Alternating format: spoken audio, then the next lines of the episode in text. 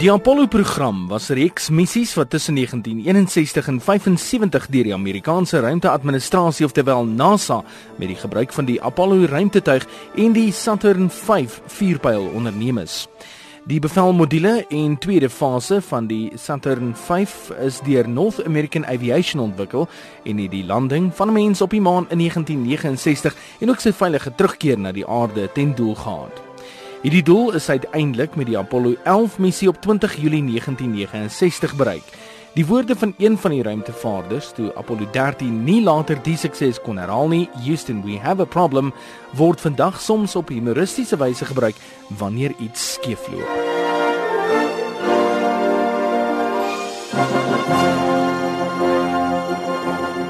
Die sukses van Apollo 11 wat op die maan geland het, is wel voorafgegaan deur Apollo 7, die eerste bemande Apollo-evaluasie in 'n lae-aarde wentelbaan. Walter Cunningham was een van die ruimtevaarders gewees van Apollo 7 en sê die sukses van Apollo 7 het uiteindelik gelei tot die sukses van Apollo 11.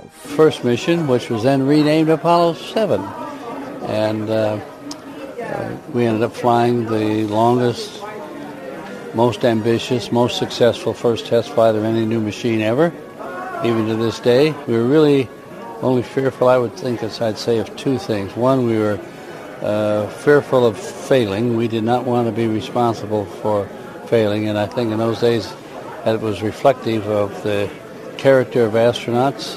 You know, if this mission fails, it won't fail because of me.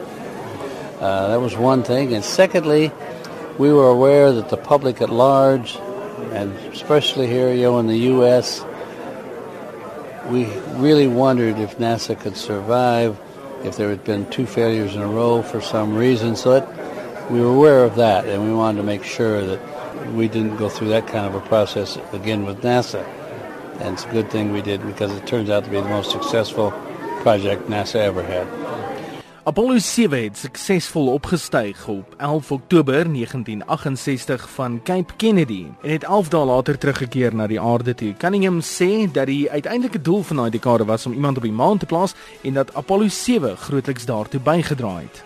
The one really big thing that we gained from the Apollo project because we gained so much in so many areas and we, what we gained was not even anticipated because the focus was on landing a man on the moon in this decade and returning him safely, of course. But to do that, we had to overcome the unknowns in so many different fields, develop the technology to do what had never been possible before, what had never even been considered seriously before, except in fictional novels.